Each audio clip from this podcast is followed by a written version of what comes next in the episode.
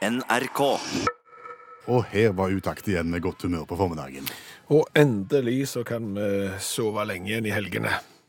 I helgene. Ja, for nå er jo sesongen for vinteridrett eh, over, og det betyr jo at du slipper å ha på vekkerklokka på lørdag og søndag for å få med deg starten på langløp og i langrenn, for å få med deg første omgang i kombinert hopp, for de hopper jo alltid gyselig tidlig, for å få med deg første omgang i slalåm og storslalåm. Skal bli godt befri nå. Ja, det var greit å kunne sove frampå etter en lang vintersesong. Men du, Ja. det jeg tenker, et- etter å ha sett eh, egentlig alt av vinteridrett i hele år og i fjor, eh, det er jo at neste sesong så må det internasjonale skiforbundet ta ideen min. De må ta ideen din. Ja. Er det en gammel idé? Ja, han er sikkert seks, syv, åtte år gammel, men det har ikke skjedd noe. Nei. Og, og det burde der. Hva heter ideen din? Eh, Tungvektshopping. Tungvektshopping. Ja, eller egentlig vektklasser i vinteridrett. Fordi at det er jo ingen vinteridretter, så jeg kjenner til i hvert fall, som har vektklasser. Hva det mener burde- du med vektklasse? Ja, det er jo sånn som det er eksempel i boksing og bryting. Det er jo ikke sånn at en bryter på 54 kilo er nødt til å bryte mot en russiske koloss på 150 kilo. De er jo i forskjellige vektklasser. Det samme i boksing. De som ror, eksempel, hvis de er veldig små og lette, så ror de i lettvektsklassen. Er de litt tyngre, så ror de i den andre klassen. Ja. Og du vil overføre dette til vinteridretten eh, under overskrift tungvektshopping, og da er det innenfor hoppsporten Ja, fremst? Ja, jeg tror jo det er hoppsporten som skriker etter vektklasser mest. Ja, men der er jo alle lette, de veier jo ingenting, noen av de. Ja, det er jo det som er poenget. De veier jo ingenting, noen av de. Nei. Og, det er jo da problemene oppstår, og det er jo da eh, gjerne publikum ikke får valuta for pengene sine, og må dra hjem igjen og uten å ha sett en eneste hopper ut forbi. Nå skal du være litt mer konkret, tror jeg. Ja, altså når du er 45 kilo og hopper på ski, så, så er det også bitte, bitte små marginer. For det første så har jo mange hoppere blitt diskvalifiserte fordi at skrittmålet i dressen er 1 centimeter for lavt, for eksempel. Så setter de seg på bommen, så blir de tatt av bommen, så må de på bommen igjen, for så å bli tatt av igjen bommen fordi at det blåser to meter per sekund over kulen. Og det er veldig stor forskjell eh, for hopperen om de får den foran eller bakfra, hvis de da veier 45 kilo. Så kommer du ned på sletta, så blir du da diskvalifisert fordi at skiene dine er to centimeter for lange fordi du veier bare 45 kilo, du burde veid 46. Ja. Men hvor kommer tungvektshoppingen inn i bildet? De er jo ikke så sårbare for egentlig noen av disse faktorene. For å si det sånn, hvis du da hopper i 100-kilosklassen, så betyr jo ikke det der skrittmålet i dressen noen ting, for å være helt ærlig. Og blåser det to meter per sekund foran eller bakfra, så, så betyr det heller ingenting. Altså, du skrur ikke kni tre knepp til venstre eh, hvis du skyter med kanon, hvis du skjønner. Men, men er du i skiskyting og skyter en sånn en liten patron eller luftgevær eller noe sånt, da må du skru siktet ditt hvis det blåser. Eh, Skyter du med kanon, så trenger du heller ikke det. Okay. Og da trenger jo ikke publikum gå skuffa hjem igjen fra hopprenn fordi at det ikke ble noe hopprenn fordi at det var bitte litt bris. Men er det kjekkere å se på, på, på tjukkaser i, i hoppbakken? Det er jeg helt bombesikker på. Ja. Jeg er helt bombesikker på at eh, eksempel tungvektshopping Ja. vil være mye mer spektakulært enn lettvektshopping. Det er det jo ingen tvil om. Hvis de da skulle hoppe for samme avsats, mm. så vil jo ikke tungvektshopperne hoppe like langt. Det sier seg nesten sjøl. Du har ikke samme oppdriften, og du flyr ikke like eh, grasiøst som ei vinge, sånn som de andre gjør. Men de får vel ganske mye større fart i, i, i rennet ned, gjør de ikke? Du kan skynde det. For det første der så kan du se for deg, nå skal vi begynne med tungvektshopping, så ser du for deg en da i pluss 100-kilosklassen som skal ta på seg en sånn en dress. Bare det er god underholdning. Ja. Ta opp glidelåsen i den der, og oi! Og så setter du deg på bommen. Ja. Og hvis en 45 kilos hopper har 100 km i timen på hoppkanten, så vil jeg jo tippe at en tungvektshopper fort har 120. Ja. Eh, Farten øker jo òg utover i svevet, og det er klart en tungvektshopper da, som tar av i 120 og lander i 150-60 km i timen, er jo langt mer spektakulært enn en eh, tynn, veselig japaner, selv om han hopper bakken aldri så mye til bunns. Da får vi se neste år. Ja, vektklasser i hopp, langrenn, masse forskjellig. Det er bare å tenke tanken. Vi skal snart eh, legge vinteridretten eh, bak oss og se inn mot vår og sommer. Eh, Men vi må ta én ting til. Én ting til. Ja, Det er jo forbedringspotensial òg i vinteridretten i forbindelse med øvelsene. OK, hva tenker du på da? Hvis du ser f.eks. for eksempel på friidrett, Ja. så har jo de tikamp. Ja, da konkurrerer de i, i altså da en og samme utøver skal innom ti forskjellige øvelser. Og det er jo veldig varierende. Det er jo fra sprint til hekk til stavsprang, høydehopp, spydkast osv. Du får virkelig kåra den beste multiatleten. Så har du moderne femkamp òg eh, på sommerstid. En OL-gren. Vet du grenene i øvelsene innenfor moderne femkamp? Nei. Er for så vidt ikke så moderne heller, ser du, fordi at det var første gang i OL i 1912. Så det er egentlig umoderne eh, femkamp. Det er jo fekting, pistolskyting, 200 meter svømming, terrengløp, og til slutt, den lille rosinen i den velkjente pølsa, er sprangridning. Det er en artig samling av øvelser. Ja, Ja. ja. Så du ser at eh, på sommerstid så har mange kjempere, eh, de har virkelig føre. Ja. Eh, På vinterstid så er det ikke mer enn tokamp. Nei, tokamp. Ja, da tenker du kombinert. Ja, Hopp og langrenn på en gang. ja. Mhm. Og her burde det kanskje vært moderne vintertidkamp. OK. Vi ser for oss tikamp på snø. Hva for noen øvelser skal vi ha med da? Altså, jeg har lagd en skisse til løsning her for å kåre den ultimate vinteratleten. Ja. Og, og det er klart, vi gjør jo som eh, i kombinert, vi må ha med hopp og langrenn. Ja. Eh, og det er klart, er du barsk i hoppbakken, så er jo heller ikke veien til utfor kanskje så lang.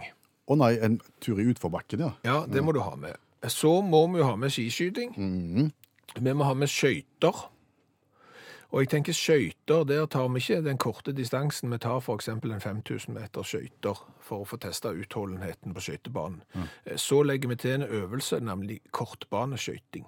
Den vil du også ha med, ja. Ja, det er jo den der når du går alt du kan omtrent inni i en eh, på sånn hockeybane, så svinger du til venstre på litt rare skøyter og med hjelm. Så tar vi med den. Eh, Så vil jeg ha med aking, eller såkalt skeleton. Det er jo å legge seg på magen på et akebrett og kjøre ned den der bobbanen. Det er tøft. Ja. Der får vi skille- Clinton fra hveten.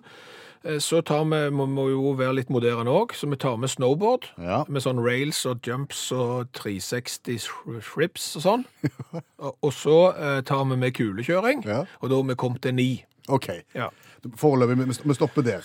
Men jeg, da, da lurer jo jeg på hva Hvordan skal du organisere dette her rent praktisk? Skal en da ha én dag med det, én dag med det, én dag med det, eller skal en hoppe fra det ene til det andre her? Og, og du må gjøre sånn som tikjemperne gjør. Altså, Tikamp går jo over to dager. Eh, Jeg tenker at du tar fem øvelser til dagen her. Du må jo ha litt utholdenhet. Vi kan ikke ha sånn Mesternes mester-greier at den ene dagen så skal du ta ti armhevinger, springe opp ei trapp og legge sammen tre pluss tre, og så gikk den dagen òg, så dro du tilbake til hus og spiste eh, grilla kylling og, og drakk rødvin. Så var den dagen over. Nei, nei, vi må ha skikkelig konkurranse. Så fem øvelser til dagen. Fem? Ja, OK.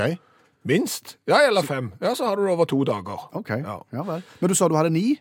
Du, du vil ha tikamp på snø? Ja, det er jo litt, det er jo litt li, mindre å velge i, synes jeg, når det er vinteridrett, fordi at det er mye bygd på den samme lesten. Altså, skiskyting er jo egentlig bare langrenn med gevær, så det er jo ikke så mye nytt, egentlig. Så det var da jeg tenkte på om jeg kunne innføre en helt egen spesiell publikumsvennlige og ikke minst TV-vennlige øvelse. Den, den tiende øvelsen i, i vinter i snøtikamp. Ja. Det er Det er da sprint på slalåmstøvler. 100 meter sprint Ja. på slalåmstøvler. Ja, fordi at det tar da over den tikampsprinten som de har når de har friidrettstikamp. Jeg kunne jo hatt sprint på langrenn, men det er jo liksom, det er langrenn det òg. Så eh, for eksempel etter at du er ferdig med utforkonkurransen og, og, og har fått ut melkesyre, så har du bare på deg den der dressen som du har sprunget utfor i. Sprunget utfor, ja. Og så er det 100 meter sprint på slalåmstøvler. Ja. Og for deg som ikke har forsøkt å springe på slalåmstøvler før, så har vi sett det er veldig, veldig vanskelig. Det er veldig vanskelig, Ja. og det er utrolig gøy å se på de som springer på slalåmstøvler. Så dette er publikumsidrett. De fire store i norsk litteratur, har du kontroll på det? Eh, Bjørnson, Ibsen, Kielland og Lie. Ibsen, Bjørnson, Kielland og Lie. Hvor mange av verkene til de fire store har du eh, kontrollen på? Eh, Ganske mange, og, det har jeg uten å ha lest spesielt mange av de òg. Fordi at i dette radioprogrammet her så har jeg lært de bøkenes innhold og hva de egentlig står for. Det er dette lavterskeltilbudet som har kjørt nå i flere år, der Janne Stigen Drangsholt, forfatter og litteraturviter, kommer til oss med en ny klassiker hver uke, kanskje på 400-500 sider, men i løpet av 4-5 minutter så lærer hun oss det viktigste i den boka. Og i dag så lærer du ei bok av en av de fire store.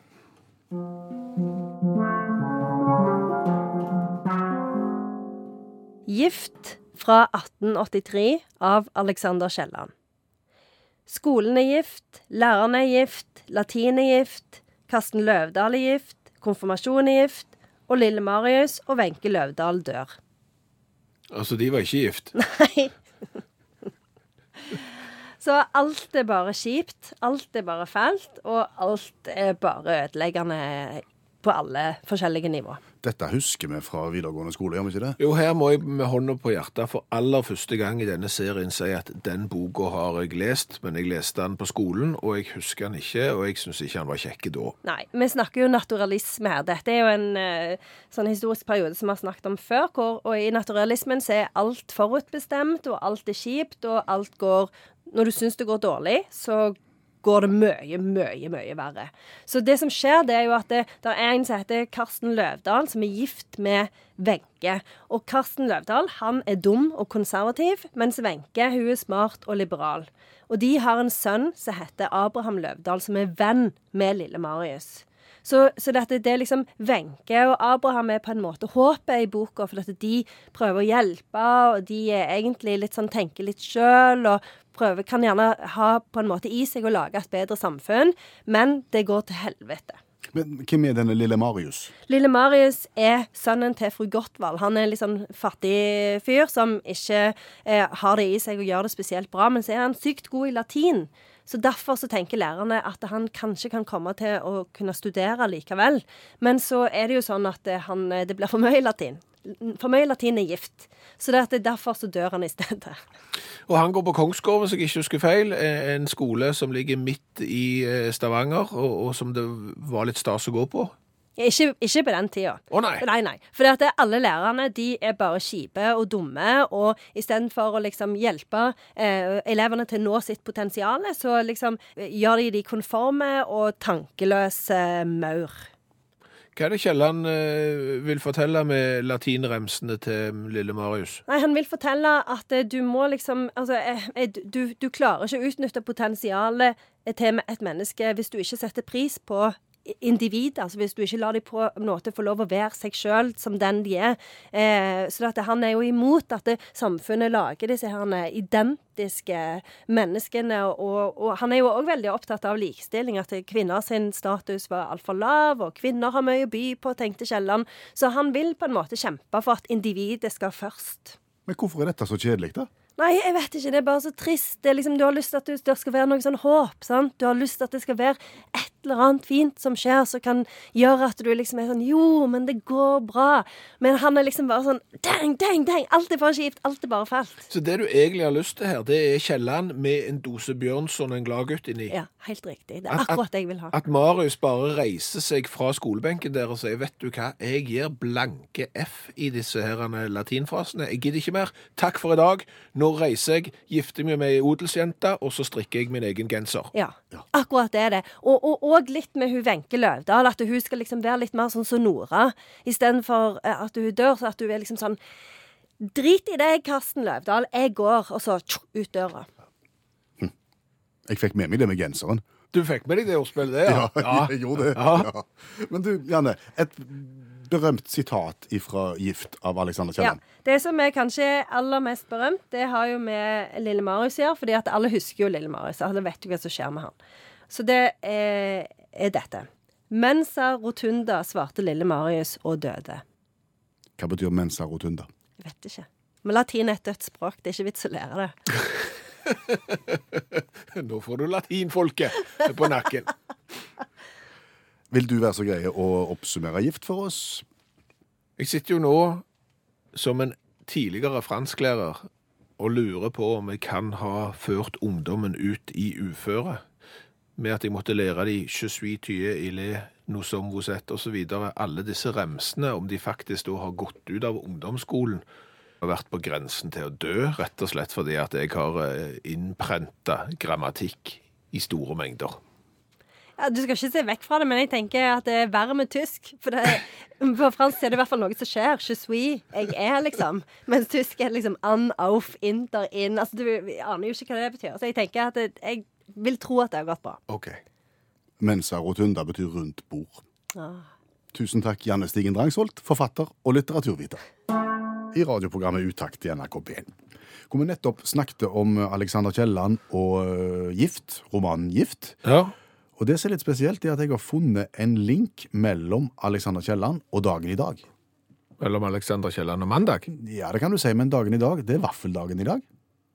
Ja, det er det. Det er rett og slett vaffeldagen. Den... Har du funnet en link mellom Kielland og vaffeldagen? Ja, Den så du ikke komme. Nei. Nei, Dette har jeg funnet i oppslagsverk på internettet. Ja, det, det, det er mye der. Ja. Ja. For da skal du høre at den første kjente oppskrift på vaffelrøre Mhm. i Norge eh, Antageligvis så ble den nedtegna eh, tidlig på 1700-tallet. Og stammer fra Kielland-familiens bibliotek i Stavanger. Å, Der har du linket, sa du, mellom vaffel og Kielland. så de har funnet vaffeloppskrift fra 1700-tallet i biblioteket i Kielland? Stemmer det? Og Under hvilken overskrift da? Ved for vafler, vil jeg tro. Nei, nei, nei, ikke sånn jeg tenker. Det er jo alltid sånn at når du skriver ned en oppskrift, hvis du har smakt et eller annet hos noen, og det var godt du må få oppskriften, Ja. så er det jo sånn at da, da lager jo du en overskrift. Da har du eksempel vært i forening hos, eh, hos, hos Gudrun, ja, ja. og Gudrun serverte den mest nydelige aspikken eller kabareten du noensinne har smakt, og så får du oppskriften på det, og så blir jo det Gudruns aspikk. Ja, ja. Huldas vafler, tror jeg det. Ok. Ja, ja. Ja, så det var, det var jo kobling mellom Kielland og Garborg, vil jeg tro. Ja. Så da har du den.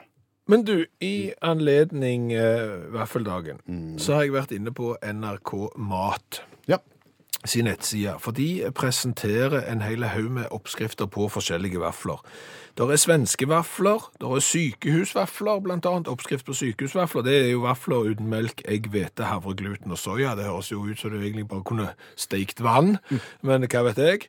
Du har salte vafler med løyrom, Med med løyrom. Fører de løyrom? Ja, det er jeg ikke sikker om det er egne løyrombutikker, eller hvor du får tak i løyrom. Det, det er jeg ikke sikker på. Men jeg så jo på den NRK Mats side at selv om de hadde mange fiffige oppskrifter på forskjellige typer vafler, så, så mangla de én, og det er denne. Smaker alt bedre med peanøttsmør. Ja, det må vi prøve. Ja, for det har vi ikke prøvd. Nei. Og, og så er, det jo, er vi jo såpass heldige at vi hadde jo peanøttsmør liggende på kontoret i dag når vi kom på at ingen kan sannsynligvis ha testa vafler med peanøttsmør. Nei, og det er jo ikke det er litt spesielt peanøttsmør vi har liggende. Ja, det er jo nederlandsk. Det, på nederlandsk setter peanøttsmør pindakas. Ja, Uttaler sikkert antageligvis. Og det har vi fått av Jack. Ja, Jack har sendt oss eh, nederlandsk peanøttsmør. Jack sitter i Nederland og hører utakt hver eneste dag og sender oss mye kjekt. Ja, og han er nederlender. Ja, ja. Det, det, det er, for å si det sånn, jeg kjenner ingen nordmenn som hører på nederlandsk radio for gøy. Så det er spesielt. Men da skal vi prøve nederlandsk uh, peanøttsmør på, på norskstekte vafler. i anledning vaffeldagen. Yes. Og da smaker vi. Ja, du skal få må jo ha på, Du må jo ha på rikeslikt når du driver på med peanøttsmør. Det er jo det som er viktig. Vær så god. Takk for den. Spørs om ikke dette kan bli det nye i uh, idrettslag. At du har sett fram rømme, sultetøy syltetøy og peanøttsmør. Absolutt. Det går ikke an å si at det ikke er godt. Nei. Det kommer jo ikke som en overraskelse. Du har peanøttsmør, det er godt. Vafler er godt. Du kombinerer to gode ting. Det skal godt gjøres å, å bomme da. Kjempeidé. Bare. Vet du hvor stor verdens største vaffel er? Med peanøttsmør. Nei, generelt. Verdens største vaffel. Nei. Den er produsert i Norge faktisk i 2011, ifølge Guinness. Eh, Den har en diameter på 98 cm, altså en bitte liten meter. En stauemeter? Ja. Det syns jeg var stort. Ja, når du tenker at du skal ha et jern som lager det også. Da var det stort.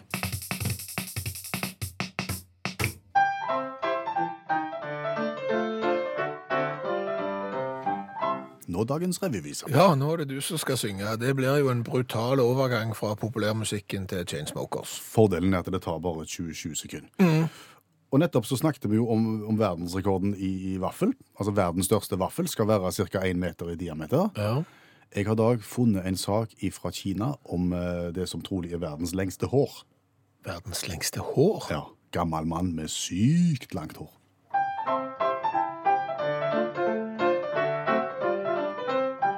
Gammel mann, se på han, er det mulig, går det an? Dette synet kan faktisk gjøre deg uggen. 77 år i år og med verdens lengste hår, over fem meter ifra bånn til luggen. Og når var han sist hos sin frisør? Jo, i 1965, om ikke før. Harald Hårfagre taper duellen mange spør, når han sju meters merke før han dør. 77 år gammel mann i Kina med fem og en halv meter langt hår. Det er, det er langt, den. S- Som ikke har vært hos frisøren siden 1965, var det jeg fikk meg i sangen. Ja. Hva er bakgrunnen her? Er det Nei, altså, han, som, som jeg sa, han er 77 år nå. Da, da han var 23, Ja. så sa han til seg sjøl nei, nå får det være nok. Nå vil jeg ikke klippe meg mer. OK. Og så bare fortsatte det. Og etter hvert så har han fått en idé om at dette lange håret her skaper lykke for barn og barnebarn. Å ja. jeg, for jeg trodde jeg, jeg, gikk i, eh, jeg gikk i klasse med en ser du, som var så veldig aktiv i denne EU-kampen.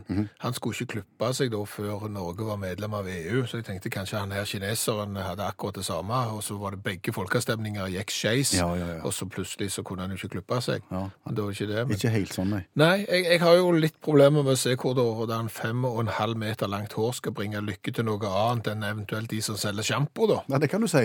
Apropos sjampo, altså, han går jo da til frisøren et par ganger i måneden. OK? Eh, Det tar to til tre frisører to timer hver gang å få vaskt håret hans. Altså, han går til frisør ikke for å klippe det? Nei. for å vaske det, Ja, ja, ja. OK. Vask og føn. og, og jeg har jo sett bilder av barnebarn som på en måte bruker håret som en slags sånn hoppetau. For det er jo så langt. Ja. Og det er knytta i sånne rastafletter ut, ut fra hodet til mannen. Så, så de kan ha mye gøy med det. Ja. Og så viste det seg altså på 70-tallet Ja. så var det noen som kom inn og ville kjøpe håret hans. Og tilby 5000 kroner for å, for å få klippet det da. På 70-tallet. Ja. Da hadde han ikke holdt på så lenge. Nei, nei, hvor var det? Det kan ikke ha vært langt. Nei, men han, han sa nei. Han sa ikke tale om. Nei. Så familien vil jo da ha dette her inn i Guinness. Nå er det litt sånn fram og tilbake om dette her er da verdens lengste, men antageligvis er det det. Ja, jeg håper jo for guds skyld at han ikke bruker elnett. På alt det der? Ja, men altså, når du har fem og en halv meter med hår, og så skal du sette det opp med elnett Hvis du trodde, altså Elnett ble brukt som drivgass i sånn potetkanon. Nei, jeg bare satte opp håret med elnett, og så tente han seg en røyk, og så eksploderte hele huset, eller noe. Det er jo fare for global oppvarming hvis, han skal bruke elnett jevnlig. Ozonlaget over huset er, er så tynt at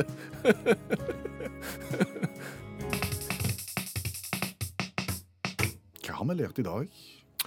Vi har lært mye i dag. Eh, Vi har jo annet lært at det mest sannsynligvis er behov for vektklasser innen vinteridrett òg. Ja, er det noe behov for det? Ja, for det er jo sånn at de som hopper langt på ski nå, de veier jo 45 kilo. Og det er klart at det er jo veldig stigmatiserende for de som har en liten hopper inni magen, og som er eksempel 100. Ja. De vil jo aldri hevde seg. Eh, Så i 100-kilosklassen så vil de jo plutselig hevde seg, og det er jo mye mer mindre sårbart for vind og sånne korridorer og, og all den der dress... De ligger mye stødigere i lufta. Ja, ja. Så, så to meter eh, per sekund over kulen, det er ikke noe å bry seg om hvis du veier 100 kilo. Så det tror vi kommer. 100 kilo i hoppdress er gøy å se på. Ja, eh, så, så har vi òg konstatert det at det er sommeridrettene som har mange kamp. Eh, Der har du moderne femkamp og eh, tikamp, eh, mens vinteridretten de har tokamp. Ja, kun kombinert. Altså langrenn og hopp. Ja, så vi har jo da lansert moderne vintertikamp, utfor hopp, langrenn, skiskyting, skøyter, kortbaneskøyting, aking, altså sånn skeleton, snowboard, kulekjøring og ikke minst den publikumsvennlige avslutningsetappen, nemlig 100 meter sprint på slalåmstøvler. Ja, i snø. Ja, det har vi tro på. Ja. Eh, Så har jeg lært av Arne Dyrøy at det har vært ei sterk vikinghelg. Jaha, på hva måte? I helga så fant de et vikingskip utenfor Hustadvika, og nå òg altså i Vestfold. To vikingskip på samme uke, på samme helg. Ja. Den er ganske dype. Den er ganske dyp, ja. For det skipet som dreiv, og som heldigvis eh, ordnte seg om ikke i beste laget, så ordna det seg iallfall. Det heter jo Viking Sky. Stemmer det. Eh, Så har vi lært at det er en eh, parallell mellom Kielland og vafler. Ja, den er litt spesielle. Mm. Fortell. Den første kjente vaffeloppskriften fra begynnelsen av 1700-tallet skal være funnet på familien Kielland sitt, i familien Kielland sitt bibliotek. Ja. Under antageligvis Huldas vafler. No. Det vi til å. Ja, noe sånn. Så har vi òg lært at vaffel med pindakas er godt Ja, og pindakas er peanøttsmør på norsk. På nederlandsk. Ja, jeg sorry. Så det har vi testa, og det er godt. Og apropos vaffeldagen og ting du kan ha på vafler, så lærte vi av NRK Mat at vafler med løyrom er godt. Men hva var nå løyrom for noe? Edvard har sendt oss mail. Der står det løyrom. Det er rogn av lagesild. Regnes som en delikatesse. Løyrom produseres ved at rognen til kjønnsmoden lagesild blir vasket og forsiktig tørket over natten. Deretter blir den saltet og pakket.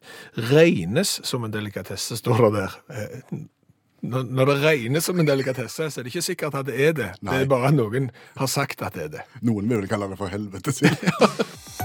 Hør flere podkaster på nrk.no podkast.